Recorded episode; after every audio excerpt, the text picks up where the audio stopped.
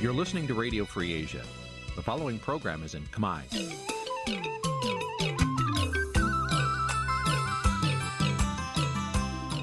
នេះជាកម្មវិធីផ្សាយ Vuthu Azizi Serai នេះជាកម្មវិធីផ្សាយរបស់ Vuthu Azizi Serai ជាភាសាខ្មែរ Vuthu Azizi Serai សូមស្វាគមន៍លោកអ្នកនាងទាំងអស់ពីរដ្ឋធានី Washington នៃសហរដ្ឋអាមេរិក បាទពីរដ្ឋធានីវ៉ាស៊ីនតោនខ្ញុំបាទសេកបណ្ឌិតសូមជម្រាបសួរអស់លោកអ្នកនាងកញ្ញាទាំងអស់ជាទីមេត្រីខ្ញុំបាទសូមជូនកម្មវិធីផ្សាយសម្រាប់ព្រឹកថ្ងៃពុទ្ធ8កើតខែមិគសេឆ្នាំថោះបញ្ញស័កពុទ្ធសករាជ2567ត្រូវនៅថ្ងៃទី20ខែធ្នូគ្រិស្តសករាជ2023បាទជាដំបូងនេះសូមអញ្ជើញអស់លោកអ្នកនាងស្ដាប់ព័ត៌មានប្រចាំថ្ងៃដែលមានមេតិការដូចតទៅ។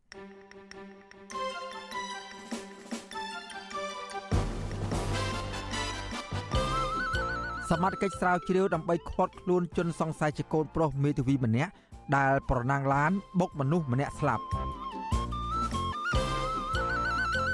ពលរដ្ឋជាង200នាក់នៅខេត្តកំពង់ស្ពឺតវ៉ារឿងម្ចាស់គម្រោងដីឡូមិនគោរពតាមកិច្ចសន្យា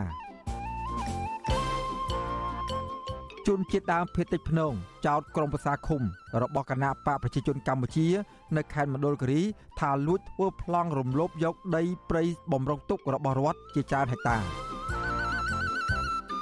គ្រួសារអ្នកទូនយោបាយសង្ឃឹមថារដ្ឋាភិបាលនឹងមិនដោះលែងសាច់ញាតិរបស់ខ្លួននៅក្នុងឆ្នាំថ្មីនេះទេរួមនឹងព័ត៌មានសំខាន់សំខាន់មួយចំនួនទៀត ជាបន្តទៅទៀតនេះខ្ញុំបាទសេកបណ្ឌិត សូមជូនព័ត៌មានពិស្ដាបាទលោកនាងកញ្ញាជាទីមេត្រីសមត្ថកិច្ចនគរបាលរាជធានីភ្នំពេញទទួលបានដីកាពីអាយកាសាលាដំបងរាជធានីភ្នំពេញដើម្បីតាមស្រាវជ្រាវនិងឃាត់ខ្លួនបរិសដែលបើកឡានទំនើបបានបុកមនុស្សម្នាក់ឲ្យស្លាប់និងរត់គេចខ្លួនវិធានការភ្លាមភ្លាមដើម្បីតាមចាប់ជនសង្ស័យ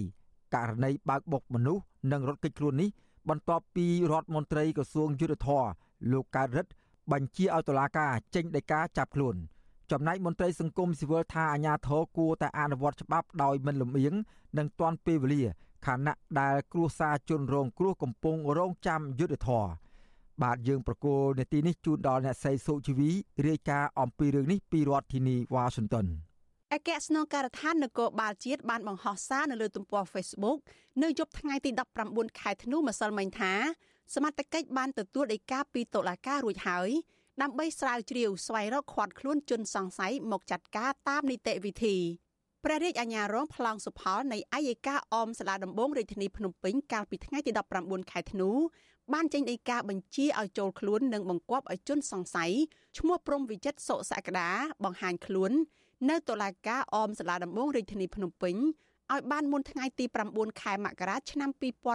2024ដីកាដដែលនេះបានបើកផ្លូវឲ្យមន្ត្រីនគរបាលយុតិធធប្រើប្រាស់កម្លាំងសាធារណៈដើម្បីបង្ខំជនសង្ស័យឲ្យចូលបង្ហាញខ្លួនបានចំណាត់ការនេះធ្វើឡើងបន្ទាប់ពីមានបទបញ្ជាពីរដ្ឋមន្ត្រីក្រសួងយុតិធធលោកកើតរិទ្ធដែលតម្រូវឲ្យបរិយាអាញាស្រាវជ្រាវ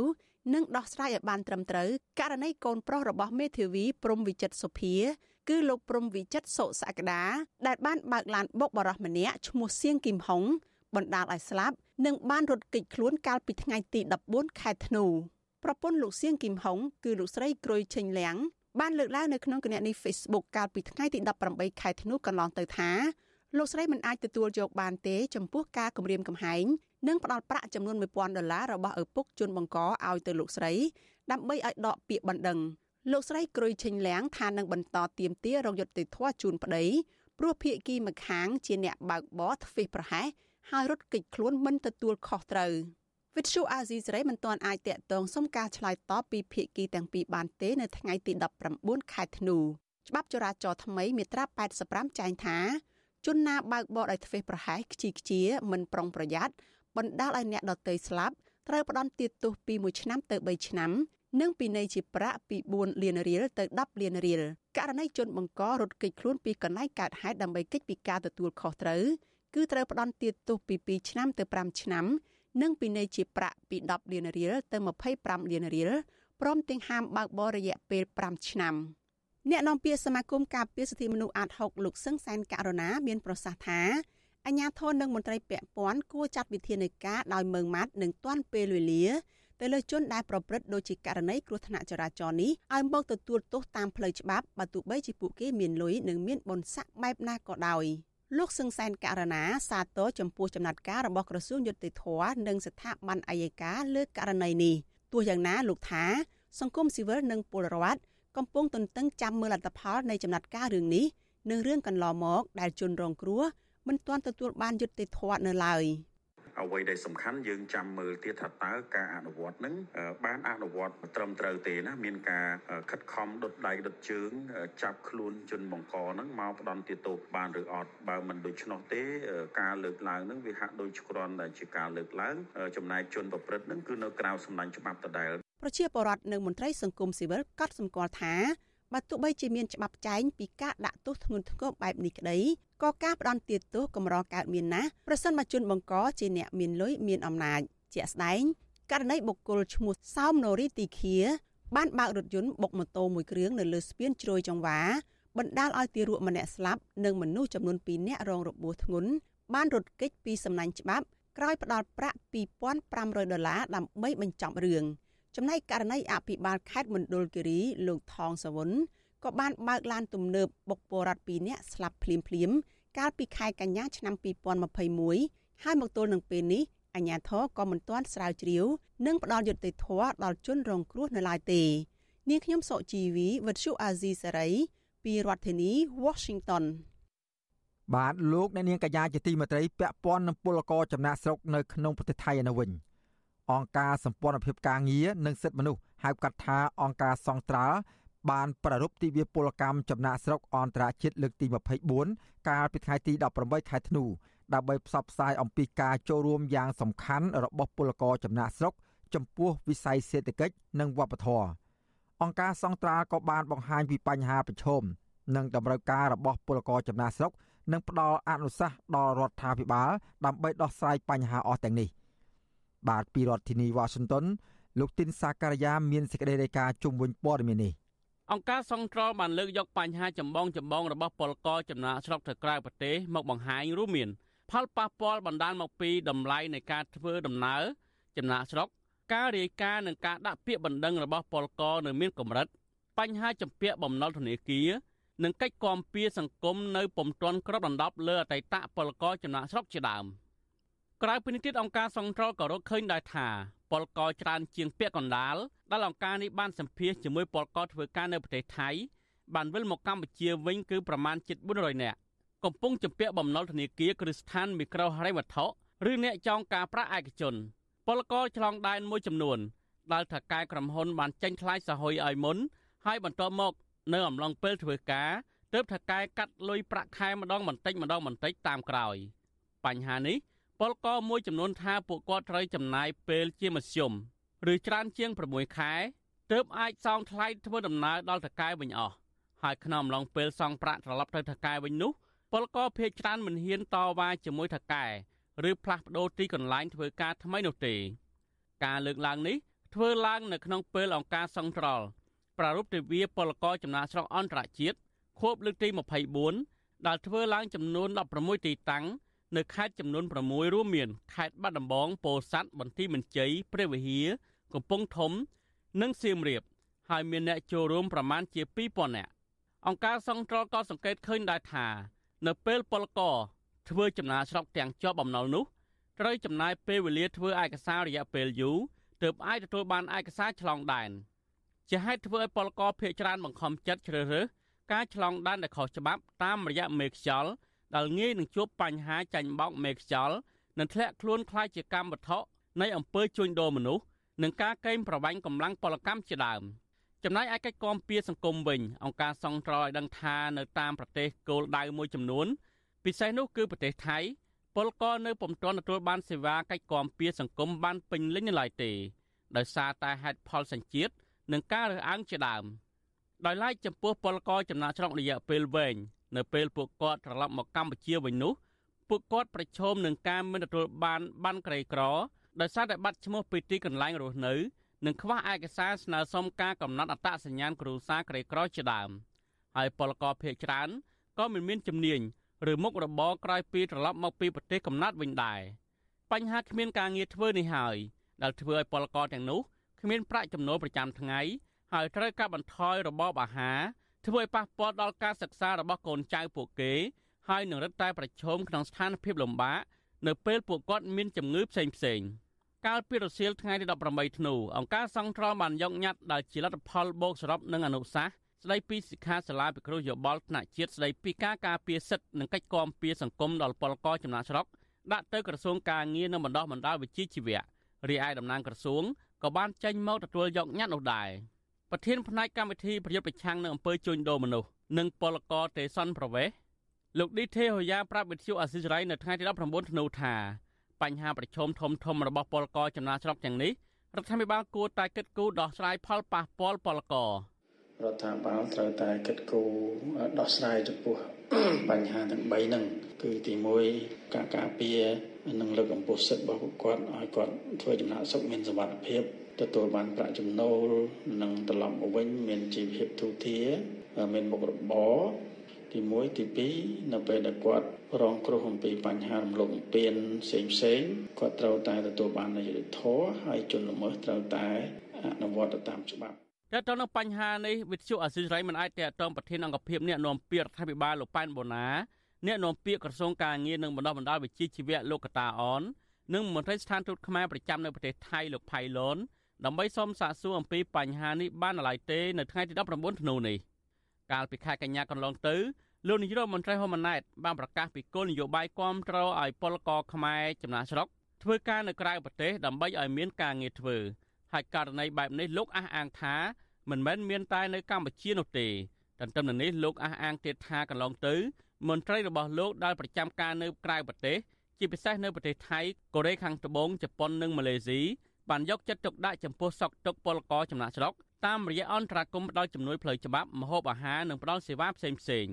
ផ្ទុយពីការលើកឡើងរបស់លោកហ៊ុនម៉ាណែតនេះពលករមួយចំនួនតែងតែរិះគន់រដ្ឋាភិបាល និងមន្ត្រីស្ថានទូតខ្មែរនៅបរទេសពិសេសនៅប្រទេសថៃមិនអើពើចំពោះសក់ទុករបស់ពលករដែលជួបបញ្ហានោះទេដូចជាថកែមិនបើកប្រាក់ខែឲ្យឬពេលអាជ្ញាធរថៃខាត់ខ្លួនជាដើមរបាយការណ៍របស់ក្រសួងការងារបង្ហាញថាមកទល់ពេលនេះ ពលករកម្ពុជាកំពុងតែធ្វើការនៅក្រៅប្រទេសមានជាង1លាន3សែននាក់ក្នុងនោះនៅប្រទេសថៃមានចំនួន1លាន2សែននាក់និងនៅប្រទេសកូរ៉េខាងត្បូងមានចំនួន50000នាក់ប៉ុន្តែអង្គការសង្គមស៊ីវិលផ្នែកការពារសិទ្ធិពលករបង្ហាញថាចំនួនពលករកម្ពុជានៅក្រៅប្រទេសអាចមានដល់ទៅជាង2លាននាក់ដែលរាប់ទាំងពលករចំណាក់ស្រុកស្របច្បាប់និងមិនស្របច្បាប់ខ្ញុំបាទទីនសាការីយ៉ាអស៊ីសេរីប្រធានាធិបតី Washington បាទលោកអ្នកនាងកញ្ញាជាទីមេត្រីចំពោះសេចក្តីរាយការណ៍ពីខេត្តកំពង់ស្ពឺនេះវិញមានប្រជាពលរដ្ឋជាង200នាក់នៅថ្ងៃទី19ខែធ្នូ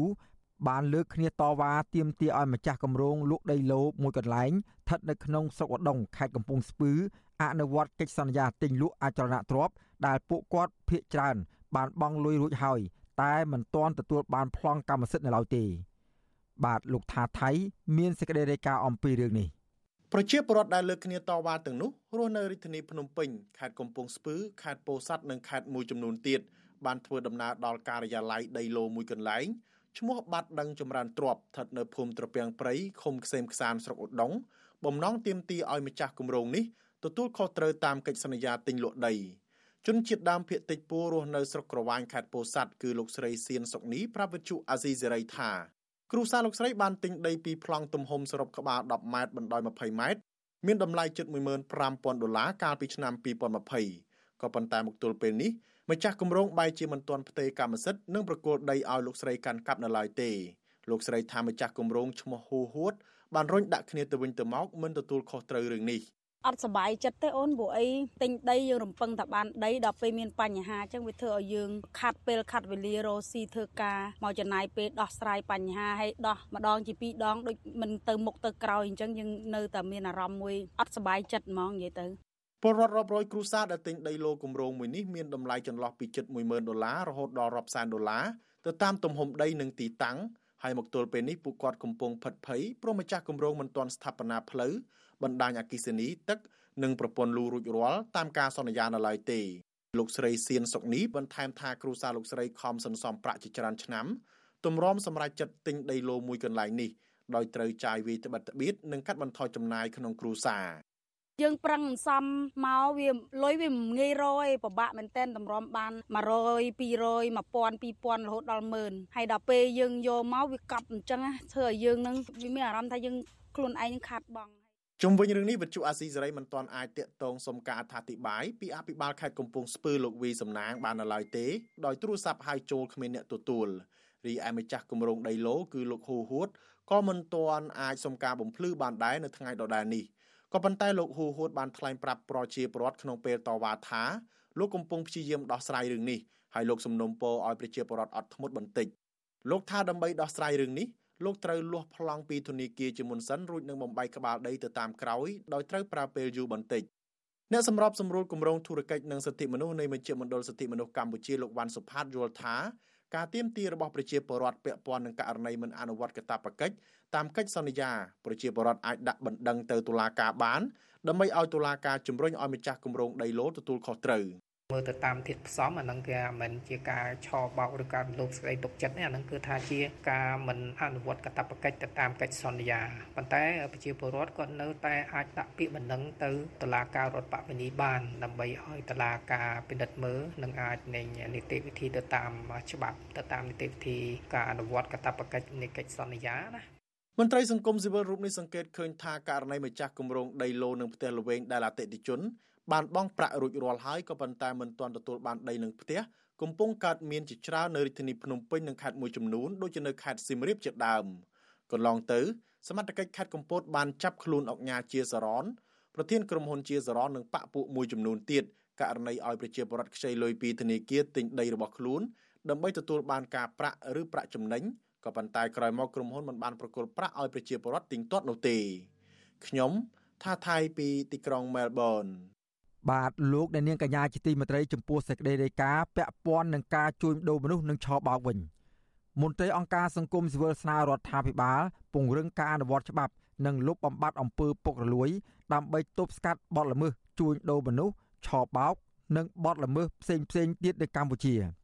ការលើកឡើងនេះគឺបន្ទាប់ពីរដ្ឋមន្ត្រីក្រសួងមហាផ្ទៃប្រកាសបដិញ្ញាចិត្តបង្កើនកិច្ចសហប្រតិបត្តិការជាមួយនឹងប្រទេសជិតខាង ក្នុងការទប់ស្កាត់បទល្មើសឲ្យបានខ្លាំងក្លាជាងមុន បាទកញ្ញាខណ្ឌលក្ខិណារាយការណ៍អំពីព័ត៌មាននេះមន្ត្រីអង្គការសង្គមស៊ីវិលលើកឡើងថាការជួញដូរមនុស្សនិងឆបោកកាត់ឡើងនៅកម្ពុជានិងប្រទេសមួយចំនួនទៀតបណ្ដាមកពីការអនុវត្តច្បាប់នៅមានកម្រិតនិងអំពើពុករលួយធ្ងន់ធ្ងរដែលធ្វើឲ្យអ ுக ្រិតជនងាយនឹងប្រើប្រាស់ទឹកដីកម្ពុជា ប្រព្រឹត្តបទល្មើសការលើកឡើងនេះ បន្ទាប់ពីរដ្ឋមន្ត្រីក្រសួងមហាផ្ទៃលោកសសុខាកាលពីថ្ងៃទី18ធ្នូបានប្រកាសជំហរបង្កើនកិច្ចសហប្រតិបត្តិការបន្ថែមទៀតជាមួយរដ្ឋាភិបាលថៃនិងប្រទេសដទៃទៀតដើម្បីប្រយុទ្ធប្រឆាំងអំពើជួញដូរមនុស្សនិងការរំលោភបំពានផ្សេងៗរដ្ឋាភិបាលកម្ពុជាបដិញ្ញាចិត្តក្នុងការបង្ការបង្ក្រាបអំពើទាំងអស់នោះឲ្យកាន់តែខ្លាំងក្លាដោយមិនអនុញ្ញាតឲ្យជនល្មើសងួនខ្លួនឡើយ យើងធានាថាជនរងគ្រោះទាំងអស់នោះទទួលបានយុត្តិធម៌និងសេវាគាំពៀប្រកបដោយប្រសិទ្ធភាពសិទ្ធិផលនិងបរិយាបន្នការប្រកាសនេះបន្ទាប់ពីអង្គការសហប្រជាជាតិចេញរបាយការណ៍មួយកាលពីខែសីហាឆ្នាំ2023រកឃើញថាកម្ពុជានិងភូមាឬមីយ៉ាន់ម៉ាគឺជាមជ្ឈមណ្ឌលស្នូលនៃការប្រព្រឹត្តអំពើឆបោកតាមអនឡាញនៅតំបន់អាស៊ីអាគ្នេយ៍របាយការណ៍បញ្ជាក់ថា មនុស្សមួយសែននាក់បានក្លាយជាជនរងគ្រោះដោយសារតែការបង្ខំឲ្យប្រព្រឹត្តអំពើឆបោកតាមអនឡាញនៅកម្ពុជាជុំវិញរឿងនេះប្រធានអង្គការដំឡាភិបកម្ពុជាលោកពេជ្រពិសីប្រាប់វិសុអាស៊ីសេរីនៅថ្ងៃទី19ធ្នូថាលោកសាទរចំពោះការប្រកាសបដិញ្ញារបស់រដ្ឋាភិបាល ក្នុងការទប់ស្កាត់ការជួញដូរមនុស្សឆបោក និងបាត់ល្មើសផ្សេងទៀត លោកថាមូលហេតុដែលជំរុញឲ្យមានការជួញដូរមនុស្សនិងឆបោករីកដុះដាលនៅតំបន់អាស៊ានដោយសារការអនុវត្តច្បាប់នៅមានកម្រិតអំពើពុករលួយធ្ងន់ធ្ងរនិងទំនាស់ផលប្រយោជន៍ពីព្រោះអ្នកពាក់ព័ន្ធនឹងបទល្មើសច្រើនតែប្រើប្រាស់ខ្សែស្រឡាយរបស់ខ្លួន ដើម្បីការពារអាជីវកម្មទាំងនោះអ្នករ៉ូស៊ីផងអ្នកជាមន្ត្រីសាធារណៈធំធំហ្នឹងគាត់ជាប់ពាក់ព័ន្ធទៅនឹងបទឧក្រិដ្ឋនឹងដែរបាទតាមរយៈ ការធ្វើជាដៃគូជាដើមនៅបណ្ដាប្រទេសទាំងនោះហើយអំពើពុករលួយច្រើនជាទូទៅទោះបីជាមានការចាប់ឬក៏អនុវត្តច្បាប់មួយចំនួនក៏ប៉ុន្តែការកាត់ទោសអីមិនសូវមានទេដោយសារជនក្រិតគាត់ប្រើប្រាស់ការស៊ីសំណូកសោកប៉ាន់ហ្នឹងហើយការការពារពីអ្នកធំហ្នឹងដើម្បីរួចផុតពីទោសទណ្ឌធ្វើឲ្យមាននីតិរដ្ឋភាពច្រើនហើយបញ្ហាសំខាន់មួយទៀតគឺការអនុវត្តច្បាប់នៅមានកម្រិតធ្វើឲ្យជនក្រិតនឹងអាចរួចពីសំណាញ់ច្បាប់ លោកពេជ្រពិសីថា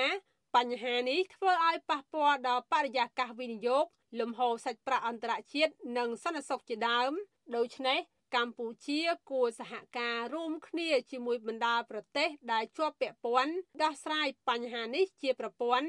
ដើម្បីកុំឲ្យអ ுக ្រិតជន បន្តប្រើប្រាស់ប្រទេសកម្ពុជា និងប្រទេសផ្សេងទៀតប្រព្រឹត្តបទល្មើសដែលប៉ះពាល់ធ្ងន់ធ្ងរដល់កេរ្តិ៍ឈ្មោះកម្ពុជាជាដើម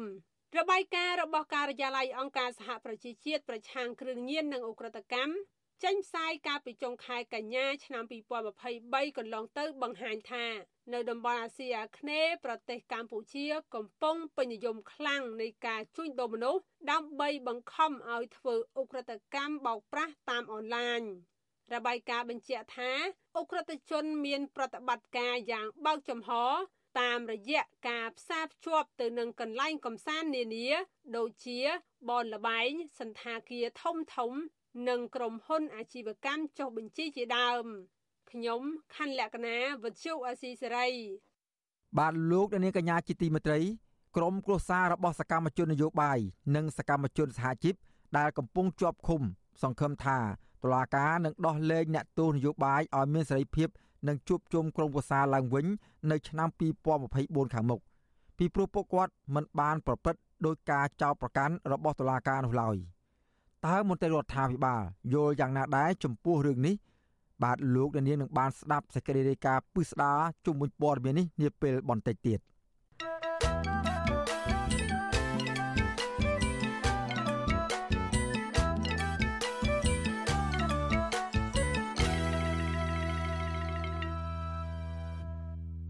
បាទលោកអ្នកនាងកញ្ញាជាទីមេត្រីចំពោះបញ្ហាចំនួនដីធ្លីនិងបរិស្ថាននៅខេត្តភីអេសាននៃប្រទេសកម្ពុជានៅវិញសហគមន៍ជនជាតិដើមភាគតិចភ្នងអះអាងថាក្រមប្រឹក្សាឃុំមកពីគណៈបកប្រជាជនកម្ពុជា បានលួចធ្វើប្លង់និងឈូសឆាយដីព្រៃបំរុងទុករបស់សហគមន៍ជាច្រើនហិកតាទោះបីជាព្រៃនោះត្រូវបានអាជ្ញាធរជំនាញទទួលស្គាល់ថាជាដីព្រៃរបស់សហគមន៍យ៉ាងណាក្តី។ មន្ត្រីអង្គការសង្គមស៊ីវិលយល់ឃើញថាអាញាធរនៅតែបំពេញនិងរំលោភសិទ្ធិរបស់ជនជាតិដើមភាគតិច បាទយើងប្រកូលនាទីនេះជូនដល់លោកយ៉ងច័ន្ទរារាយការណ៍អំពីព័ត៌មាននេះពីរដ្ឋធានីវ៉ាស៊ីនតោនប្រជាសហគមន៍ជនជាតិដើមភាគតិចភ្នងរស់នៅភូមិជីក្លប់ឃុំសុកសានស្រុកកោះញែកខេត្តមណ្ឌលគិរីអះអាងថាមានក្រុមប្រឹក្សាឃុំសុកសានម្នាក់មកពីគណៈបកប្រជាជនកម្ពុជា ដែលឈ្មោះថាដាត់ច័ន្ទថៃ បានលួចធ្វើប្លង់និងឈូសឆាយដីព្រៃជិត20ហិកតានៅក្នុងចំណោមដីព្រៃបំរុងទុករបស់សហគមន៍ជាង170ហិកតាលក់ទៅឲ្យក្រុមឈ្មួញប្រជាសហគមន៍ឲ្យដឹងទៀតថាដីព្រៃបំរុងទុកជាង170ហិកតានោះពួកគាត់បានដាក់បញ្ចូលជាដីព្រៃសមូហភាពរបស់សហគមន៍រួចទៅហើយក៏ប៉ុន្តែអាជ្ញាធរពាក់ព័ន្ធមិនទាន់ចេញឯកសារនៅឡើយទេតំណាងសហគមន៍ជនជាដើមភាគតិចភ្នងលោកភើលងីប្រាប់វិទ្យុអាស៊ីសេរីនៅថ្ងៃទី19ខែធ្នូថា ក្រុមប្រឹក្សាគុំសុកសានបានលួចធ្វើប្លង់ដីនិងឈូសឆាយដីព្រៃបំរុងទុកបានជិត20ហិកតាទើបសហគមន៍ដឹងនិងធ្វើការហាមឃាត់ឈប់ឲ្យឈូសឆាយបន្តទៀតលោកបន្តថាដីព្រៃបំរុងទុកជាង170ហិកតានោះគឺជាញើសឈាមរបស់ប្រជាសហគមន៍រស់នៅក្នុងភូមិជីក្លប់ដែលបានតវ៉ាទាមទារពីក្រុមហ៊ុន Master Ksan ដើម្បីទុកសម្រាប់ចែកឲ្យសមាជិកសហគមន៍រូបណាដែលមិនមានដីសម្រាប់អាស្រ័យផល។ ខ្ញុំមិនអោយទេសម្រាប់ដីនេះសម្រាប់អមរងទុកអោយកូនចៅអនាគតបើអញ្ចឹងពួកអ្នកធ្វើខូចនោះវាធ្វើអញ្ចឹងអារម្មណ៍ខ្ញុំខ្ញុំអត់ចង់ចង់អោយគេឈូបំពេញទេនិយាយទៅទាំងអស់សមាជិកក្នុងសហគមន៍ពួកពួកគាត់អត់ចង់ទេចង់អោយទុកបំរុងទុកសម្រាប់កូនចៅអនាគតលោកភើលងាកបន្ថែមទៀតថាពួកលោកបានតវ៉ាទៅសាលាឃុំមិនអោយអាជ្ញាធរចេញប្លង់និងស្នើឲ្យអាជ្ញាធរឃុំធ្វើការហាមឃាត់ព្រមទាំងដកហូតដីព្រៃដែលបានធ្វើប្លង់និងឈូសឆាយទាំងនោះមកឲ្យសហគមន៍ភូមិជីក្លប់វិញ បើពុំដូច្នេះទេពួកគាត់នឹងបន្តតវ៉ាទៅសាលាខេត្តបន្តទៀតពួកខាងអាយាធមមូលដ្ឋានទីនិគមហ្នឹងអានឹងខ្ញុំសុំពីគាត់ហើយឲ្យគាត់ជួយដោះស្រាយឲ្យបានយុត្តិធម៌ផងកុំអាងតែអំណាចម្នាក់ម្នាក់នឹងចាំតែបំពេញលើតែជាប្រវត្តិអញ្ចឹងវាអត់ល្អទេបើធ្វើអញ្ចឹងរបៀបថាជន់ស្លីជាប្រវត្តិដូចជាភាពសុខភាពជាប្រវត្តិមិនអោយមានដៃមានស្លីទេអញ្ចឹងឆ្លើយតបទៅនឹងរឿងនេះមេឃុំសុកសានលោកឆានចិន ថ្លែងការពីក្រុមប្រឹក្សាឃុំមកពីគណៈបកប្រជាជនកម្ពុជាឈ្មោះដាត់ច័ន្ទថៃដោយអះអាងថាសហគមន៍ច្រឡំមនុស្សហើយលោកនឹងចុះទៅដោះស្រាយឲ្យប្រជាពលរដ្ឋនៅថ្ងៃខាងមុខចានឹងវាថុកឯងវាយល់ច្រឡំហើយចាប់ខ្ញុំនឹងដាក់ថ្ងៃទៅចុះដោះស្រាយទៀតព្រឹកមិញបានសួរហើយសួរនាំសហគមន៍នឹងហើយតេតិនទៅនឹងបញ្ហានេះមន្ត្រីសម្របសម្រួលសមាគមអាត6ប្រចាំខេត្តមណ្ឌលគិរីលោកប៊ីវ៉ានីសង្កេតឃើញថា អាញាធរពពាន់នៅតែមិនគិតគូរប្រយោជន៍ប្រជាពលរដ្ឋជាធំនិងជាប់ពាក់ព័ន្ធជាមួយក្រុមឈ្មួញល្មើសច្បាប់ដដែលលោកបន្ថែមថាអាញាធរខេត្តត្រូវតែចុះដោះស្រាយនិងស្វែងរកអ្នកពាក់ព័ន្ធយកមកដាក់ទោសតាមផ្លូវច្បាប់យើងធ្វើការដោះស្រាយដោយឈលលើមូលដ្ឋានច្បាប់ទៅជាពិសេសគឺឈលលើមូលដ្ឋានការគោរពសិទ្ធិជនជាតិដើមភាគតិចជាធំអញ្ចឹងទូខេត្តធ្វើការដោះស្រាយដោយឈលលើគោលការណ៍ច្បាប់ឲ្យទៅចាត់ការទៅលើមន្ត្រីពាក់ព័ន្ធដែលមានការខុបខិតគ្នាលួចដីឬក៏ ធ្វើប្លង់ដែលមករំលោភទៅលើដីរបស់ប្រជាពលរដ្ឋដីព្រៃនិងដីសមូហភាពរបស់សហគមន៍ភូមិជីក្លប់មានផ្ទៃដីប្រមាណជាង3000ហិកតា នៅក្នុងនោះមានដីកប់សពដីព្រៃអារក្សដីព្រៃបំរុងទុក ដីចំការវិលជុំនិងដីអាស្រ័យផល ដែលមានសហគមន៍ប្រមាណជាង200គ្រួសារកំពុងប្រើប្រាស់ជាប្រចាំថ្ងៃខ្ញុំយ៉ងច័ន្ទដារាវិទ្យុអាស៊ីសេរី Washington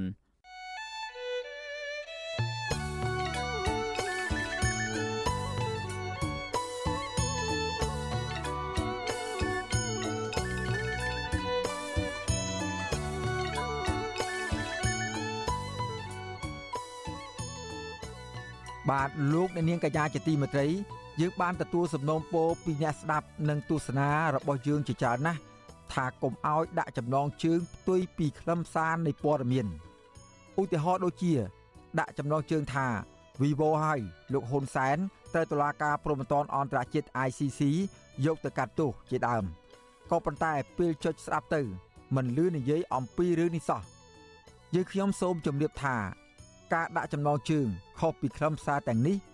គឺជាការបោកប្រាស់របស់ក្រុមអ្នករកស៊ីតាម YouTube ដើម្បីរកលុយតែប៉ុណ្ណោះពួកគេលួចយកខ្លឹមសារនៃការផ្សាយរបស់វិទ្យុអស៊ីសេរីទៅកាត់តរួចបដូរចំណងជើង តាមរបៀបប្លែកប្លែកហួសហេតុខុសពីការពិត ក្នុងគោលបំណងតាក់ទាញចិត្តលោកនាងកញ្ញាឲ្យទៅចុចស្ដាប់ ឬទស្សនាដើម្បីបាន view ឬបានអ្នកចូលទស្សនាច្រើន។ មានអ្នកចុចស្ដាប់កាន់តែច្រើន ពួកគេក៏កាន់តែរកប្រាក់បានច្រើនដែរអាស៊ីសេរីមិនដែលដាក់ចំណងជើងខុសពីខ្លឹមសារនោះទេលោកនាងកញ្ញា អាចចូលរួមទប់ស្កាត់ការបោកប្រាស់ទាំងនេះបាន ដោយឈប់ចុចស្ដាប់ ឬទស្សនាការផ្សាយណា ដែលដាក់ចំណងជើងខុសប្លែកគួរឲ្យសង្ស័យទាំងនេះជាពិសេសទៅទៀតនោះដើម្បីស្ដាប់ឬទស្សនាការផ្សាយពិតរបស់វិទ្យុអសីសេរី សូមលោកនាង ចូលទៅកាន់ Channel របស់អាស៊ីសេរីតែម្ដង ដែលមានអាសយដ្ឋាន www.youtube.com/@rfa ខ្មែរបាទសូមអរគុណ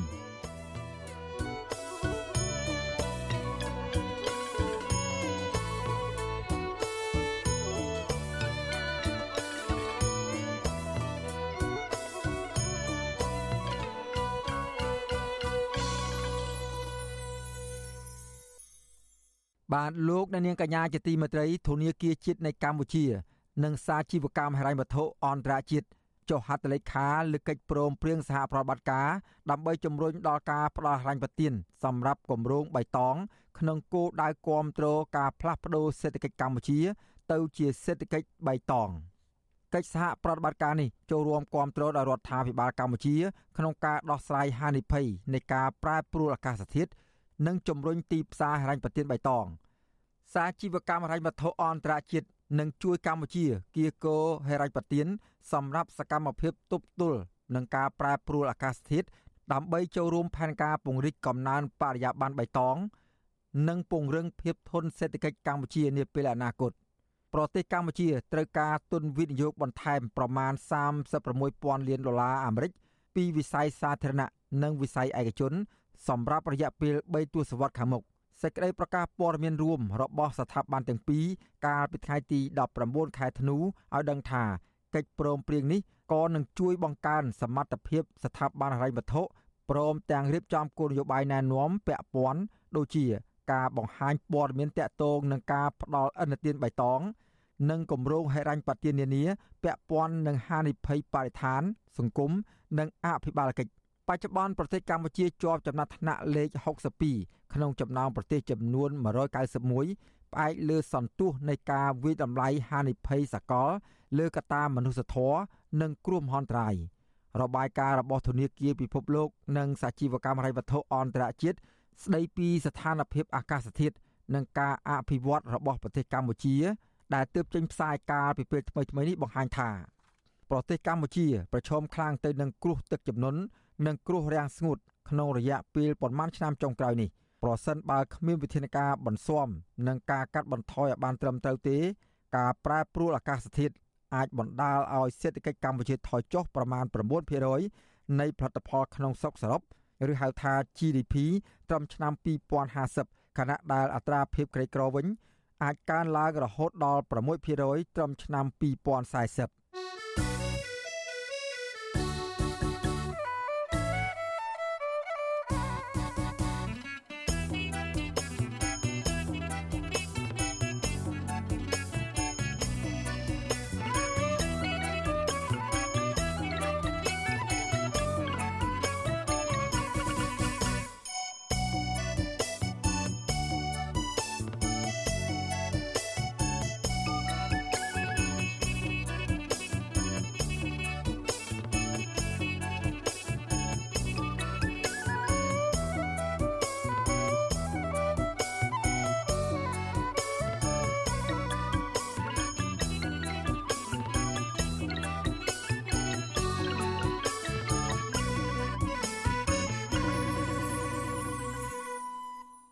បាទលោកនាងកញ្ញាជាទីមេត្រីជប៉ុនបានផ្ដល់ជំនួយដល់កម្ពុជាជាង31លានដុល្លារទៀតនេះឱកាសលោកនាយករដ្ឋមន្ត្រីហ៊ុនម៉ាណែតចូលរួមកិច្ចប្រជុំកំពូលរំលឹកខួបអនុស្សាវរីយ៍អាស៊ានជប៉ុន កាលពីថ្ងៃទី16ដល់ថ្ងៃទី18ធ្នូហេរ៉ាញ់ប៉ាទៀនឥតសំណងដែលជប៉ុនផ្ដល់ជូនកម្ពុជានោះដើម្បីអនុវត្តគម្រោង3ដែលមានទឹកប្រាក់ជាង4ប៊ីលានយ៉េន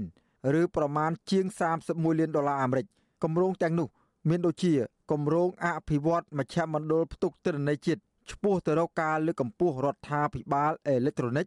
និងគម្រោងអភិវឌ្ឍប្រព័ន្ធគ្រប់គ្រងការផ្គត់ផ្គង់ទឹកស្អាតបែប Digital ក្នុងតំបន់ទីប្រជុំជន និងគម្រោងស្នើសុំនាវាសម្រាប់វាស់ស្ទង់ជលធាសាស្ត្រសម្រាប់ផលិតផែនទីនាវាចរអេឡិចត្រូនិកជប៉ុនជាប្រទេសម្ចាស់ជំនួយធំជាងគេសម្រាប់កម្ពុជា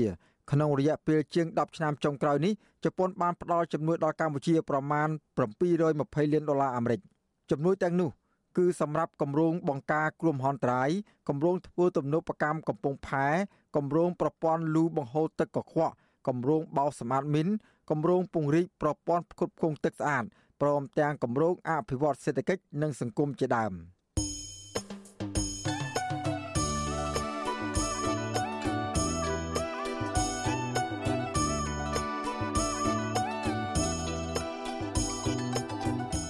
បាទលោកដានៀងកញ្ញាកំពុងតាមដានស្ដាប់ការផ្សាយរបស់វិទ្យុអាស៊ីសេរីពីរដ្ឋធានីវ៉ាស៊ីនតោនសហរដ្ឋអាមេរិកក្រៅពីអស់លោកដានៀងតាមដានស្ដាប់ការផ្សាយរបស់យើងខ្ញុំតាមរយៈបណ្ដាញសង្គមមាន Facebook YouTube និង Telegram ជាដើមនោះលោកដានៀងក៏អាចស្ដាប់ការផ្សាយរបស់វិទ្យុអាស៊ីសេរីតាមរយៈវិទ្យុរលក ធាតុអាកាសខ្លី ដែលមានកម្រិតនិងកម្ពស់ដូចតទៅនេះ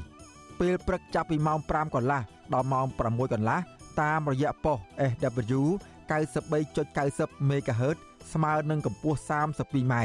និងប៉ុស SW 11.85 MHz ស្មើនឹងកម្ពស់ 25m ពេលយប់ចាប់ពីម៉ោង7កន្លះដល់ម៉ោង8កន្លះតាមរយៈប៉ុស SW 93.30 MHz ស្មើនឹងកម្ពស់ 32m ប៉ុស SW 11.88 MHz ស្មើនឹងកម្ពស់ 25m និងប៉ុស SW 15.15 MHz ស្មើនឹងកម្ពស់ 20m បាទសូមអរគុណ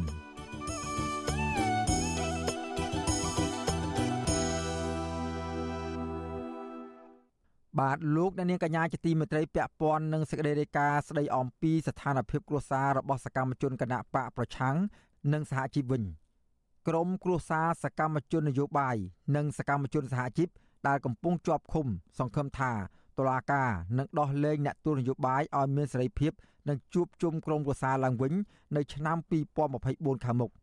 ពីព្រោះពួកគាត់មិនបានប្រព្រឹត្តខុសដោយការចោទប្រកាន់របស់តុលាការនោះឡើយប៉ុន្តែមន្ត្រីរដ្ឋាភិបាលថាគ្មានការលើកលែងទោសដល់អ្នកជាប់ឃុំទាំងនោះទេប្រសិនបើពួកគាត់មិនព្រមទទួលស្គាល់កំហុស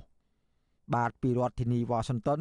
អ្នកស្រីសុជីវីមានសេចក្តីរាយការណ៍ពិស្ដារមួយទៀតជុំវិញព័ត៌មាននេះ ក្រុមគ្រួសារសកម្មជននយោបាយនិងសកម្មជនសហជីពស្នើឲ្យតុលាការដោះលែងក្រុមគ្រួសារពួកគាត់ឲ្យមានសេរីភាពដោយឥតលក្ខខណ្ឌដើម្បីអាចជួបជុំក្រុមគ្រួសារនិងអាចព្យាបាលជំងឺទាន់ពេលវេលាប្រពន្ធមន្ត្រីបាក់ភ្លើងទៀនប្រចាំនៅខេត្តកំពង់ចាមលោកតូចថងគឺលោកស្រីហាញ់សវណ្ណាប្រាប់វិទ្យុអាស៊ីសេរីនៅថ្ងៃទី19ខែធ្នូថាចាប់តាំងពីអាញាធរផ្ទេប្តីរបស់លោកស្រីឲ្យទៅជាប់ឃុំនៅពន្ធនាគារខេត្តពោធិ៍សាត់លោកស្រីដេកមិនលក់ស្ទើររៀងរាល់យប់ ពីព្រោះបារម្ភពីបញ្ហាសុខភាពភ្នែកនិងជំងឺប្រចាំកាយរបស់ប្តីលោកស្រីបន្តថាការផ្ទេប្តីលោកស្រីទៅខេត្តពោធិ៍សាត់គឺឆ្ងាយជាងទៅពន្ធនាគារព្រៃសរដែលតម្រូវឲ្យលោកស្រីចំណាយថវិកាច្រើនជាងមុនលោកស្រីហាញ់សវណ្ណាស្នើឲ្យតុលាការដោះលែងប្តីនិងអ្នកទោសមនសិការទាំងអស់ឲ្យមានសេរីភាពជាពិសេសបញ្ឈប់ការធ្វើទុកបុកម្នេញដោយធ្វើលិខិតសុំទោសដើម្បីជាថ្នូរបដូរយកសេរីភាព គេជូនក៏ទៅពោសាទហ្នឹងគេថាគុកជាហើយមួយទៀតអត់មាននិយាយអីផងគាត់ថាអញ្ចឹងហ្មងទៅហើយមួយទៀតគេប្រាប់គាត់ថាឲ្យចូលគេចូលគេទៅគាត់ថាគាត់អត់ចូលគេថាបើអត់ចូលគេជូនទៅវិញទៅឆ្ងាយទៅម៉ែនទៅពោសាទហ្មងអូនបើគាត់ចូលគេគេឲ្យគាត់នៅព្រៃសរបើអត់ចូលគេជូនគាត់ទៅឆ្ងាយសកម្មជនដែលកំពុងជាប់ឃុំទាំងនោះភ ieck ច្រើនសុទ្ធតែជាជនទោសគ្រួសារជាអ្នករកប្រាក់ផ្គត់ផ្គង់ជីវភាពបង់ថ្លៃចំណាយកូនរៀន និងសងបំណុលធនាគារជាដើមដូច្នេះនៅពេលដែលពួកគេជាប់ពន្ធនាគារបន្ទុកទាំងអស់ត្រូវធ្លាក់ទៅលើប្រពន្ធនិងកូនជាអ្នករ៉ាប់រងស្រដៀងគ្នានេះដែរកូនស្រីសកម្មជនគណៈបកសង្គ្រោះជាតិនៅរាជធានីភ្នំពេញលោកហេងច័ន្ទសុធីគឺកញ្ញាហេងបូរីថ្លែងថាឪពុករបស់កញ្ញាជាប់ពន្ធនាគាររយៈពេល3ឆ្នាំ6ខែមកនេះគឺជារឿងអយុត្តិធម៌កញ្ញាបន្តថាឪពុករបស់កញ្ញាបានលះបង់សេចក្តីសុខផ្ទាល់ខ្លួនដើម្បីផលប្រយោជន៍ជាតិ ប៉ុន្តែរដ្ឋាភិបាលបែរជាចាប់គាត់ដាក់ពន្ធនាគារទាំងគ្មានកំហុសកញ្ញាហេងបូរីកោតសរសើរឪពុករបស់ខ្លួនដែលសុកចិត្តជាប់គុកច្រវាក់មិនសមទោសបដូរយកសិទ្ធិសេរីភាព។ ហើយតឡាការនៃកម្ពុជាគឺជាតឡាការដែលមានភាពនឹងត្រូវឯករាជ្យណែខ្ញុំជឿជាក់ថាពួកគាត់នឹងទទួលបានសេរីភាពនិងយុត្តិធម៌ប៉ុន្តែបើអត់សិនជាអ្វីដែលខ្ញុំទៅទៅនោះវាមិនដូចអ្វីដែលខ្ញុំបានគិតតែយើងនៅឃើញជាក់ស្ដែងតឡាការសពថ្ងៃគឺមិនមានភាពឯករាជ្យទេហើយចឹងខ្ញុំមិនមិនមានក្តីសង្ឃឹមថានឹងអាចដោះលែងគាត់ថាទេប៉ុន្តែខ្ញុំបញ្ចុះចាំងទៅនៅតែជាជាក់ថាថ្ងៃណាមួយจะទៅទទួលបានយុត្តិធម៌ការអំពាវនាវរបស់ប្រពន្ធសកម្មជនបកប្រឆាំងទាំងនេះ គឺបន្ទាប់ពីអាជ្ញាធរក្រុងភ្នំពេញបានចាប់ក្រុមគ្រួសារពួកគេដាក់ពន្ធនាគារទាំងអយុត្តិធម៌ដែលធ្វើឲ្យពួកគេរស់នៅប្រត់ប្រាស់គ្រួសាររងសម្ពាធផ្លូវចិត្តប្រឈមនឹងជំងឺប្រចាំកាយនៅក្នុងពន្ធនាគារដែលចង្អៀតណែនក្រៅពីប្រពន្ធនិងកូនសកម្មជននយោបាយដែលទទូចឲ្យដោះលែងក្រុមគ្រួសាររបស់ពួកគាត់ឲ្យមានសេរីភាពហើយនោះសាច់ញាតិអ្នកជាប់ឃុំដោយសារតែការអនុវត្តសិទ្ធិការងារក៏ជំរុញរដ្ឋាភិបាល ពិចារណាដោះលែងកញ្ញាឈឹមស៊ីធឲ្យមានសេរីភាពជួបជុំសមាជិកសហជីពនិងក្រុមគ្រួសារដែរប្អូនប្រុសកញ្ញាឈឹមស៊ីធលោកឈឹមប្រុសរំពឹងថាក្នុងឆ្នាំ2024ខាងមុខនេះតុលាការនឹងកែប្រែចិត្តគំនិតដោះលែងបងស្រីរបស់លោកឲ្យមានសេរីភាពពេញលេញពីព្រោះការទៀមទាឲ្យថៃកែបនលបែង Nagavel គោរពច្បាប់ការងារមិនមែនជាបទល្មើសឡើយ។ សង្ឃឹមថាដាច់ឆ្នាំ2024តឡាការនឹងកាត់ឡើងវិញក្នុងការទម្លាក់បទចោទហើយនឹងសូមតំណពរដល់ក្រសួងពាក់ព័ន្ធដូចជាក្រសួងការងារនឹងជាឲ្យគាត់មានដំណោះស្រាយក្នុងវិបត្តិការងារវាដូចជាយ៉ាងយូរឆ្នាំហើយហើយកោតកោក៏គាត់មានផលលំបាកខ្លាំងមែនទែនដែរឆ្លើយតបបញ្ហានេះអ្នកនាំពាក្យអគ្គនាយកដ្ឋានពន្ធនាគារនៃក្រសួងមហាផ្ទៃលោកនុតសាវណ្ណាថ្លែងថាពុំមានការលើកលែងទោសនិងបន្ធូរបន្ថយទោសដល់អ្នកទោសនយោបាយណាដែលមិនព្រមទទួលស្គាល់កំហុស លោកបន្តថាប្រសិនបើសាច់ញាតិអ្នកជាប់ឃុំចង់ស្នើឲ្យមានការដោះលែងពួកគាត់អាចដាក់លិខិតមកក្រសួងមហាផ្ទៃហើយគាត់ចេះបកែកអត់មានកំហុសដល់ពេលហើយគាត់អត់ព្រមទទួលស្គាល់ការក្រមតឡាការហ្នឹងយើងមានសិទ្ធិណាទៅលើកលែងឬក៏បន្ទុកថយទោសកើតយើងថាអ្នកទោសនយោបាយបទល្មើសនយោបាយវាអត់មានទេហើយសំខាន់គាត់ព្រមទទួលកំហុសឲ្យតឡាការកាត់ទោសសិនជុំវិញបញ្ហានេះប្រធានសមាគមការពារសិទ្ធិមនុស្សអាត6លោកនីសុខាមានប្រសាសន៍ថា តុលាការគួរតែដោះលែងអ្នកទោសមនសិការទាំងអស់ឲ្យមានសេរីភាពនិងជួបជុំគ្រួសាររបស់ពួកគេឡើងវិញពីព្រោះពួកគេគ្រាន់តែអនុវត្តសិទ្ធិស្របច្បាប់តែប៉ុណ្ណោះលោកបន្តថាការឲ្យអ្នកទាំងនោះសុំទោសជាថ្នូរនឹងបានទទួលសិទ្ធិសេរីភាពគឺមិនមែនជាការដោះស្រាយដើម្បីឈ្មោះទៅរកការផ្សះផ្សាជាតិនោះទេ ខ្ញុំយល់ថារឿងនេះកុំឲ្យចាំបាច់ដល់រហូតដល់មានការទូទាត់នៅការទទួលស្គាល់កំហុសឬក៏មិនទទួលស្គាល់ពីព្រោះថារឿងនេះគឺជារឿងមួយដែលបានបង្ហាញអំពីភាពនៃការចាប់ឃុំខ្លួនដោយមិនមានយុត្តិធម៌ឬក៏បង្ហាញពីការចាប់ខ្លួនដោយកត្តានយោបាយដែលច្រើនជាងការអនុវត្តច្បាប់ហ្នឹងគឺបានបង្ហាញតាំងពីដើមមកហើយដូច្នេះវាមិនអាចយើងតម្រូវឲ្យមានការបំពេញលក្ខខណ្ឌរហូតដល់មានការសុំទោសអីនឹងទេ ចាប់តាំងពីឆ្នាំ2018មកដល់ពេលនេះមានសកម្មជនគណបកសង្គ្រោះជាតិគណបកភ្លើងទៀនសកម្មជនសិទ្ធិការងារអ្នករិះគន់រដ្ឋាភិបាលប្រមាណ120នាក់ត្រូវអាជ្ញាធរចាប់ខ្លួនដាក់ពន្ធនាគារដោយសារតែការបញ្ចេញមតិនិងអនុវត្តសិទ្ធិនយោបាយក្នុងនោះមានមនុស្សប្រមាណ40នាក់កំពុងជាប់ឃុំនៅក្នុងពន្ធនាគារនៅឡើយអង្គការជាតិនិងអន្តរជាតិនិងក្រមប្រទេសប្រជាធិបតេយ្យធំធំចាត់ទុកថាអ្នកទាំងនោះជាប់ឃុំក្រោមហេតុផលនយោបាយ និងតែងតែទាមទាររដ្ឋាភិបាលដោះលែងអ្នកទាំងនោះឲ្យមានសេរីភាពវិញដោយឥតលក្ខខណ្ឌនេះខ្ញុំសុជីវីវិទ្យុអាស៊ីសេរីពីរដ្ឋធានី Washington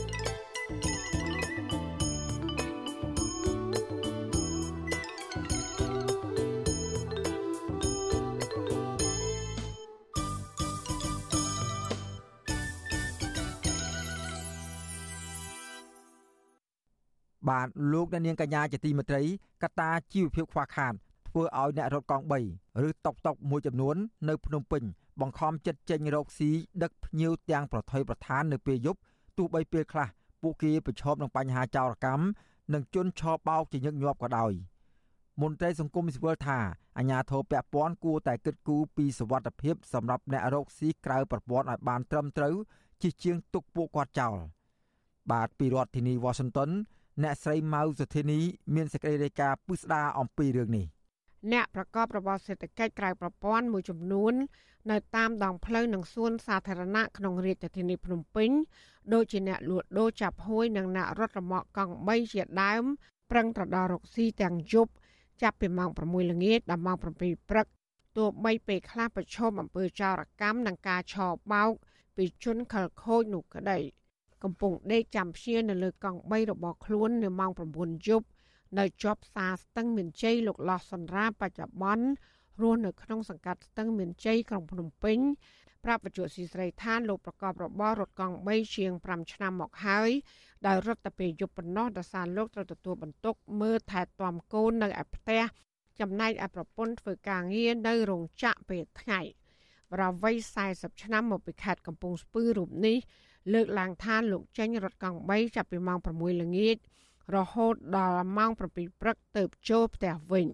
លោកថាជារៀងរាល់ថ្ងៃរកចំណូលបានជាមធ្យមពី30000ទៅ50000រៀលក្នុងមួយយប់បរោះដែលមានកូន2នាក់ក្នុងបន្ទុករូបនេះ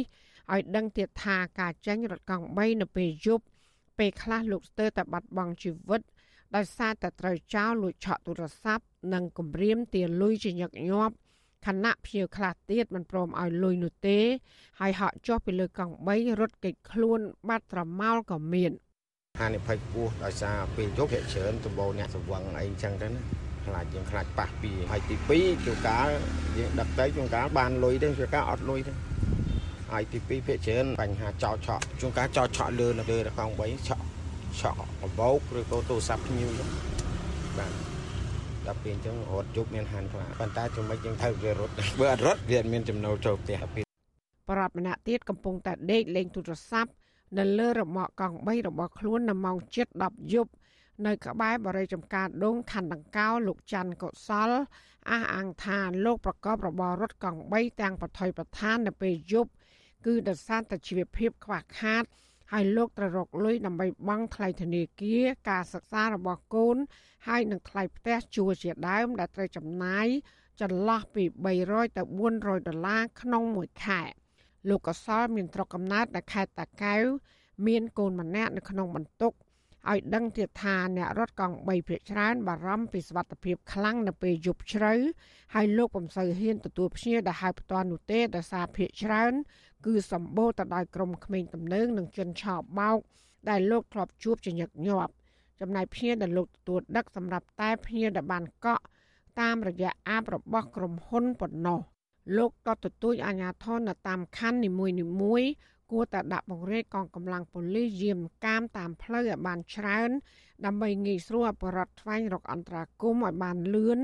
នៅពេលដែលជួបប្រទះបញ្ហាចោរកម្មឬអំពើហិង្សាជាដើម យើងបថុយប្រឋានខ្លះដែរអានឹងបញ្ហាហ្នឹងវាមិនមែនថាមានសវត្ថភាពរហូតទេបើយើងយកប្រលប់វាចូលមុខនឹងបញ្ហាគ្រោះថ្នាក់ចរាចរណ៍ផងអីផងវាមើលឃើញអញ្ចឹងណានឹងបើសិនជាមានខាងប៉ូលីសខាងអីគាត់គាត់បង្រាយកម្លាំងអីពេលយកប្រលប់អីជួយការពារសន្តិសុខក៏វាល្អមួយយ៉ាងដែរតកតងនឹងកង្វល់របស់បរដ្ឋរត់កង់3នេះអ្នកនាំពាក្យសាលារាជធានីភ្នំពេញលោកមេតមាសភក្តី ប្រាប់វិទ្យុស៊ីស្រីតាមប្រព័ន្ធ Telegram នៅថ្ងៃទី12ខែធ្នូដោយសរសេរយ៉ាងខ្លីថាករណីចោរកម្មឬការឆោបោកនេះអាញាធរពពាន់បានដោះស្រាយជាហូរហែហើយលោកថាបើសិនជាមានករណីនេះមែនអាចដាក់ពាក្យបណ្ដឹងមកអាញាធរពពាន់ ទោះយ៉ាងណាអ្នករត់រមាក់កង់3នៅក្នុងរាជធានីភ្នំពេញភាគច្រើនប្រាប់បច្ចុប្បន្នស៊ីស្រីស្តីងគ្នាថានៅពេលដែលពួកគេជួបបញ្ហាចោរកម្មឬបញ្ហាភៀងមិនព្រមបង់លុយឲ្យនោះគឺតែងតែមានការទាស់សម្ដីប្រាំអំពើហិង្សាឲ្យពួកគាត់តែងតែដាក់ពាក្យប្តឹងទៅអាជ្ញាធរតាមខណ្ឌនៅកន្លែងកើតហេតុក៏ប៉ុន្តែពុំបានទទួលដំណោះស្រាយនោះឡើយផ្ទុយទៅវិញពួកគេអះអាងថាមានអ្នករត់កង់3ខ្លះ ប្រឈមការប្តឹងផ្តល់និងការចាប់ខ្លួន ដើម្បីទារលុយពីសំណាក់ប៉ូលីសយាមកាមនៅពេលយប់ដោយសារតែមានភ្ញៀវខ្លះលួចដាក់គ្រឿងញៀនក្នុងរមាក់កង់3របស់ពួកគាត់ហើយនៅពេលដែលភ្ញៀវចុះបាត់ទៅ គេឃើញប៉ូលីសចេញមុខស្ទាក់ចាប់អ្នករត់កង់3រួចចោទថាជាអ្នកជួញដូរគ្រឿងញៀនតែកតិននឹងរឿងនេះប្រធានសមាគមប្រជាធិបតេយ្យឯករាជ្យនៃសេដ្ឋកិច្ចក្រៅប្រព័ន្ធលោកវុនពៅ ប្រាប់បច្ចុប្បន្នស៊ីស្រី នៅថ្ងៃទី12ខែធ្នូថាករណីចោរកម្មការឆោបបោកនិងការប្រើអំពើហិង្សាលើអ្នករកស៊ីក្រៅប្រព័ន្ធជាពិសេសគឺអ្នករត់រមាក់កង់3នេះគឺជាបញ្ហាមួយក្នុងចំណោមបញ្ហាជាច្រើនដែលអាជ្ញាធរពាក់ព័ន្ធគួរតែរកដំណោះស្រាយជូនពួកគាត់ ហើយចំណុចមួយទៀតរដ្ឋគួរតែរៀបចំបង្កើតសេវាទេសចរក៏ដូចជាសេវាកម្មធ្វើយ៉ាងណាឲ្យសេដ្ឋកិច្ចដំណើរការល្អឡើងវិញឲ្យពួកគាត់រកប្រាក់ចំណូលបានខ្ពស់អញ្ចឹងគាត់កាត់បន្ថយនៃការប្រកបមុខរបរលើសម៉ោងដោយសពថ្ងៃនេះហើយអញ្ចឹងខ្ញុំគិតថាវាជាចំណុចមួយដែលរដ្ឋត្រូវគិតគូរផងដែរអ្នកប្រកបរបររត់រមាក់កង់3ឬតុកតុកភាគច្រើនរំពឹងថារដ្ឋាភិបាលនឹងគិតគូរដល់ពួកគាត់តាមរយៈការផ្ដល់កិច្ចគាំពារសង្គម និងការធានានៅសុខសុវត្ថិភាពជូនពួកគាត់ឲ្យបានត្រឹមត្រូវលោកវុនពៅឲ្យដឹងទៀតថាអ្នករត់កង់3ទូទាំងប្រទេស មានប្រមាណ20000នាក់ក្នុងនោះ គឺ10000នាក់ជាសមាជិកសមាគមរបស់លោកលោកវុនពៅបញ្ជាក់ថាអ្នករត់កង់3ប្រមាណ90%ជាប់បំណុលហើយពួកគេជួបការលំបាកខ្លាំងមួយរយៈចុងក្រោយនេះដោយសារតែរកប្រាក់ចំណូលមិនសូវបាន។ ចានាងខ្ញុំម៉ៅសុធានីវិទ្យុអាស៊ីស្រីប្រធានាធិបតី Washington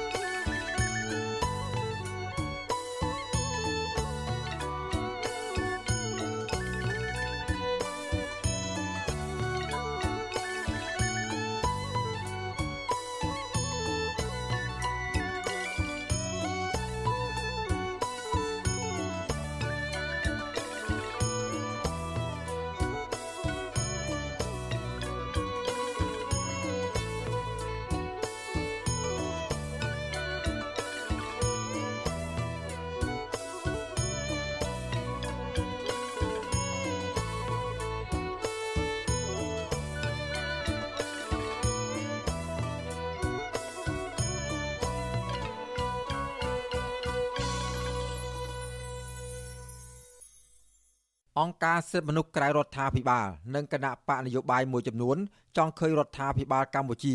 ចាត់វិធានការបង្ក្រាបលបាយស៊ីសងខុសច្បាប់តាមប្រព័ន្ធអ៊ីនធឺណិតដែលជាជំរកនៃអំពើឧក្រិដ្ឋកម្មជំរិតទារប្រាក់អំពើឆោបោក និងការជួញដូរមនុស្សឲ្យមានប្រសិទ្ធភាពប្រធានគណៈបកកម្លាំងជាតិលោកសុនចន្ទធី មានប្រសាសន៍ថារយៈពេល3-4ឆ្នាំចុងក្រោយនេះ តាំងតែពីមានលំហូរជនជាតិចិនមួយចំនួន ចូលមករកស៊ីក្នុងប្រទេសកម្ពុជា គឺមានលបែងស៊ីសងតាមប្រព័ន្ធអ៊ីនធឺណិតច្រើនបែបព្រមទាំងមានក្រុមឆោបោកក្រុមចាប់ចម្រិតទារប្រាក់ក្រុមជួញដូរមនុស្សនិងក្រុមគ្រឿងញៀនចូលមកជាមួយផងដែរលោកសុនចន្ទធីយល់ថារដ្ឋាភិបាលកម្ពុជាមិនមានឆន្ទៈពិតប្រាកដក្នុងការបង្ក្រាបលបាយស៊ីសងតាមប្រព័ន្ធអ៊ីនធឺណិតដែលកំពុងមករកស៊ីខុសច្បាប់នៅប្រទេសកម្ពុជានោះទេ ហើយការសន្យារវាងរដ្ឋាភិបាលចិនជាមួយនឹងកម្ពុជាក្នុងការបង្ក្រាបលបាយស៊ីសងតាមប្រព័ន្ធអ៊ីនធឺណិតនិងឧក្រិដ្ឋកម្មឆ្លងដែននេះគឺគ្រាន់តែជាផែនការនិងគោលការណ៍ប៉ុណ្ណោះ ទោះបីកម្ពុជាឃើញភាពមិនត្រឹមត្រូវឃើញទង្វើមិនត្រឹមត្រូវមិនស្របច្បាប់របស់ក្រមដែលរកស៊ីមិនត្រឹមត្រូវពិសេសពួកជនជាតិចិនមួយចំនួននៅកម្ពុជាក៏ប៉ុន្តែកម្ពុជាមិនមានអធិបុលនៅក្នុងការដោះស្រាយឬក៏បង្ក្រាបប៉ុន្មានទេដោយសារនៅមានការខ្លាចរឯងរដ្ឋាភិបាលនៃប្រទេសចិនបាទពីព្រោះកម្ពុជាត្រូវការអីតែងតែរត់ទៅរកចិនដូច្នេះចង់មិនចង់ត្រូវតែជំនឿប្រើប្រាស់វិធានការតឹងរឹងពីពួកទឹកជាតិចិនដែលរស់ស៊ីនៅមុខច្បាប់នៅកម្ពុជានេះចំណែកនាយកទទួលបន្ទុកកិច្ចការទូតនៃអង្គការសិទ្ធិមនុស្សលីកាដូលោកអមសំអាត បានកត់សម្គាល់ឃើញថាអំពើឆោបោក និងអំពើចាប់ចម្រិតមនុស្សតាមប្រព័ន្ធអ៊ីនធឺណិតមួយរយៈពេលកន្លងមកនេះច្រើនតែពាក់ព័ន្ធនឹងជនជាតិចិនលោកអមសំអាតយល់ថាការបណ្ដោយឲ្យមានលបែងស៊ីសងអំពើឆោបោក និងចាប់ចម្រិតមនុស្សទារប្រាក់តាមប្រព័ន្ធអនឡាញ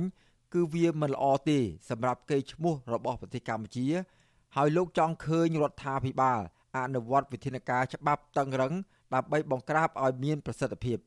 មើលការបដិញ្ញាឆន្ទៈហើយនឹងការសហការដែលពិតប្រាកដនៅក្នុងការបង្ក្រាបនិងការទប់ស្កាត់ជនប្រព្រឹត្តដែលទាក់ទងនឹងជនជាតិចិនណាគឺអាចធ្វើបានឲ្យតែបំបត្តិនៅអំពើពុករលួយកុំឲ្យកើតមានពាក់ព័ន្ធជាមួយបទល្មើសទាំងអស់ហ្នឹងហើយធានាថាជនដែលប្រព្រឹត្តបទល្មើសទាំងអស់ហ្នឹងត្រូវបានកាត់ទោសទៅតាមផ្លូវច្បាប់ដើម្បីផ្ដល់យុត្តិធម៌សម្រាប់ជនរងគ្រោះនឹងអំពើទាំងអស់ហ្នឹងណា ការលើកឡើងរបស់គណៈបកនយោបាយនិងអង្គការសិទ្ធិមនុស្សយ៉ាងដូចនេះបន្ទាប់ពីថ្ងៃទី7ខែធ្នូនៅពេលជួបប្រជុំរដ្ឋមន្ត្រីការបរទេសនៃកិច្ចសហប្រតិបត្តិការមេគង្គឡានឆាង លើកទី8នៅទីក្រុងប៉េកាំងរដ្ឋមន្ត្រីការបរទេសចិន លោកវ៉ាងយីបានប្រាប់រដ្ឋមន្ត្រីការបរទេសកម្ពុជា លោកសុកចិន្តាសោភាថារដ្ឋាភិបាលចិន បានត្រៀមខ្លួនរួចជាស្រេចក្នុងកិច្ចសហការជាមួយកម្ពុជា និងប្រទេសដទៃទៀត ក្នុងការបង្ក្រាបលបាយស៊ីសងតាមប្រព័ន្ធអ៊ីនធឺណិតនិងឧក្រិដ្ឋកម្មឆ្លងដែនដើម្បីលុបបំបាត់ក្រុមឧក្រិដ្ឋជន ដែលពាក់ព័ន្ធឲ្យបានម៉ត់ចត់ និងការពារស្ថិរភាពសង្គមនៅក្នុងតំបន់អ្នកវិភាគឯករាជ្យជើងចាស់លោកបណ្ឌិតឡៅម៉ុងហៃមានប្រសាសន៍ថាថ្មីបើរដ្ឋាភិបាលកម្ពុជា បង្ហាញឆន្ទៈបង្ក្រាបទៅលើសកម្មភាពលបាយស៊ីសងអំពើឆបោក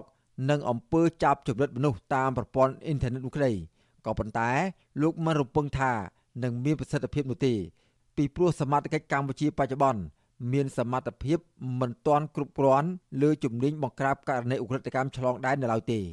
ដូចយើងទៅសប្តាហ៍នេះគឺគឺជាបការបត់បានការគ្រប់គ្រងពីជនទុច្ចរិតណាបាទបើតាមមើលទៅនេះជាអកតកម្មមានអកតកម្មខ្លះថាអកតកម្មឆ្លងដែននឹងយើងក៏ពិបាកដែរគឺអត់ទាន់មានបទពិសោធន៍គ្រប់គ្រាន់ណា គេហទំព័រភាសាអង់គ្លេសឈ្មោះ AGB Asia Gambling Prize បានចេញផ្សាយកាលពីថ្ងៃទី8ខែធ្នូថាចិនគឺជាប្រទេសដែលមានលបែងស៊ីសងច្រើនជាងគេ គឺស្ទើរតែពាក់កណ្ដាលនៃចំនួនលបែងខុសច្បាប់ទាំងអស់នៅលើពិភពលោក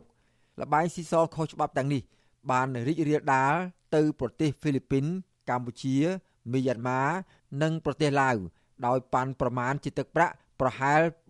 425,000លានដុល្លារអាមេរិក នៅក្នុងប្រទេសកម្ពុជាលបាយស៊ីសងខុសច្បាប់តាមប្រព័ន្ធអ៊ីនធឺណិតបានកើតមានខ្លាំងចាប់តាំងពីមានលំហូរជនជាតិចិនចូលមករកស៊ីនៅក្នុងខេត្តព្រះសីហនុកាលពី3-4ឆ្នាំមុននេះវត្តមានជនជាតិចិនមួយចំនួន កំពុងធ្វើឲ្យកម្ពុជា មានវិបត្តិសង្គមជាច្រើន និងអំពើឧក្រិដ្ឋកម្មដូចជាអំពើឆបោកអំពើចាប់ចរិតមនុស្សតាមប្រព័ន្ធអ៊ីនធឺណិតការបាញ់សម្លាប់មនុស្សអំពើជួញដូរគ្រឿងញៀននិងការជួញដូរមនុស្ស ព្រមទាំងការលាងលុយកខ្វក់ជាដើមទោះយ៉ាងណាវិទ្យុអាស៊ីសេរីនៅពុំទាន់អាចសុំការអធិប្បាយពីអ្នកនាំពាក្យក្រសួងមហាផ្ទៃលោកទូចសុខៈនិងអ្នកនាំពាក្យក្រសួងការបរទេសលោកអានសុខឿនបាននៅឡើយទេនៅថ្ងៃទី26ខែធ្នូដោយសារតែលោកទាំងពីរមិនទទួលទូរស័ព្ទក៏ប៉ុន្តែកាលពីខែសីហាឆ្នាំ2019ក្រសួងមហាផ្ទៃនៃប្រទេសកម្ពុជាធ្លាប់បានប្រកាសបិទអាជីវកម្មលបែងស៊ីសងតាមប្រព័ន្ធអ៊ីនធឺណិត ធ្វើឲ្យជនជាតិចិនប្រមាណ40ម៉ឺននាក់ចាក់ចេញពីខេត្តប្រសេនុនៅដើមឆ្នាំ2020នាយកអង្គការសិទ្ធិមនុស្សអាត6លោកនីសុខា មានប្រសាសន៍ថាបើទោះបីជារដ្ឋាភិបាលធ្លាប់មានចំណាត់ការ បង្ក្រាបលបែងស៊ីសងតាមប្រព័ន្ធអ៊ីនធឺណិតធ្វើឲ្យជនជាតិចិនជាច្រើនម៉ឺននាក់នៅខេត្តប្រសេនុបានចាក់ចេញក្តីក៏ប៉ុន្តែបច្ចុប្បន្ននេះនៅតាមកន្លែងជាច្រើន គឺនៅតែមានលបែងស៊ីសង និងអំពើចាប់ចម្រិតមនុស្សទារប្រាក់ តាមអ៊ីនធឺណិតកើតមាននៅឡើយលោកនីសុខាចង់ឃើញសមត្ថកិច្ចរដ្ឋាភិបាលអនុវត្តវិធានការច្បាប់ឲ្យបានម៉ឺងម៉ាត់ក្នុងការបង្ក្រាបលបែងស៊ីសង និងអំពើចាប់ចម្រិតមនុស្សទារប្រាក់តាមប្រព័ន្ធអ៊ីនធឺណិតទាំងនោះឲ្យមានប្រសិទ្ធភាព កម្ពុជាមិនគួរคล้ายទៅជាទីតាំងនៃកន្លែងដែលមិនត្រឹមត្រូវឬក៏កន្លែងដែលប្រព្រឹត្តនៅអំពើធ្វើឲ្យមានភាពអសន្តិសុខដែលវាអាចជះឥទ្ធិពលមិនល្អមកដល់ប្រទេសយើងពិសេសគឺវាអាចជះឥទ្ធិពលទៅដល់បញ្ហាភ្ញៀវទេសចរផ្សេងផ្សេងឬក៏អ្នកចង់ចូលមកក្នុងប្រទេសយើងដែលគេមានការបារម្ភអំពីបញ្ហាអសន្តិសុខទាំងអស់ហ្នឹងទេអញ្ចឹងយើងចង់ឃើញរដ្ឋាភិបាលកម្ពុជា មានធានការឲ្យបានច្បាស់លាស់និងឲ្យបានម៉ឺងម៉ាត់កុំឲ្យមានជនប្រព្រឹត្តឬក៏អ្នកដែល នៅពីក្រោយខ្នងនៃការប្រព្រឹត្តអំពើទាំងអស់នឹងណាមួយត្រូវបានរួចខ្លួនបាទនេះដែលយើងចង់ឃើញអង្គការសិទ្ធិមនុស្សឲ្យដឹងទៀតថាការបណ្តែតបណ្ដោយឲ្យលបែងស៊ីសងតាមប្រព័ន្ធអ៊ីនធឺណិតនៅតែបន្តកើតមានយ៉ាងដូចនេះបានធ្វើឲ្យក្រមប្រឹក្សាអង្គការសហប្រជាជាតិទទួលបន្ទុកសិទ្ធិមនុស្សក៏មានកង្វល់ព្រមទាំងចេញរបាយការណ៍ស្ដីពីការកើនឡើងនៃអំពើឆបោកការចាប់ចម្រិតនិងបទល្មើសផ្សេងៗទៀតតាមប្រព័ន្ធអ៊ីនធឺណិតនៅប្រទេសកម្ពុជាដែរ។ អង្គការសិទ្ធិមនុស្សយល់ឃើញថាអំពើឆបោកការចាប់ចម្រិតមនុស្សតាមប្រព័ន្ធអនឡាញរួមទាំងការបាញ់សម្លាប់និងអំពើជួញដូរមនុស្សជាដើមក្រៅតែពីធ្វើឲ្យកម្ពុជាប៉ះពាល់កេរ្តិ៍ឈ្មោះយ៉ាងខ្លាំងវាក៏ធ្វើឲ្យប៉ះពាល់ដល់សន្តិសុខនិងសុវត្ថិភាពរបស់ប្រជាពលរដ្ឋព្រមទាំងធ្វើឲ្យភ្ញៀវទេសចរនិងអ្នកវិនិយោគទុនបរទេសភ័យខ្លាចមិនហ៊ានចូលមកលេងនិងរកស៊ីនៅប្រទេសកម្ពុជាថែមទៀត thank you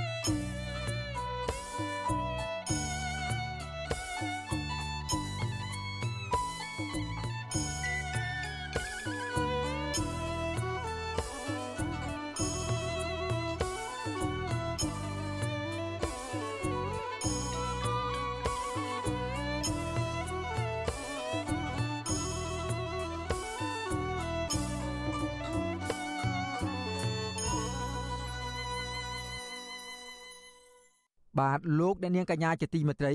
ការផ្សាយរយៈពេល1ម៉ោងរបស់វិទ្យុអសីស្រីសម្រាប់ព្រឹកនេះចប់តែប៉ុណ្ណេះកម្មវិធីផ្សាយរបស់វិទ្យុអសីស្រីនឹងវិលមកជួបអស់លោកអ្នកនាងសាជាថ្មីម្ដងទៀតនៅរាត្រីថ្ងៃពុធនេះចាប់ពីម៉ោង7កន្លះដល់ម៉ោង8កន្លះយប់ម៉ោងនៅកម្ពុជា បាទយើងខ្ញុំសូមថ្លែងអំណរគុណយ៉ាងជ្រាលជ្រៅចំពោះអស់លោកអ្នកនាងដែលនៅតែមានភក្ដីភាពតាមដានស្ដាប់ការផ្សាយរបស់យើងខ្ញុំជារៀងដរាបមក បាទយើងខ្ញុំសូមជូនពរដល់អស់លោកនាងឲ្យជួបប្រកបតែនឹងសេចក្តីសុខចម្រើនរុងរឿងកំបីគ្លៀងគ្លាតឡើយខ្ញុំបាទសេកបណ្ឌិតព្រមទាំងក្រុមការងារទាំងអស់របស់វិទ្យុអាស៊ីសេរីសូមអរគុណនិងសូមជម្រាបលា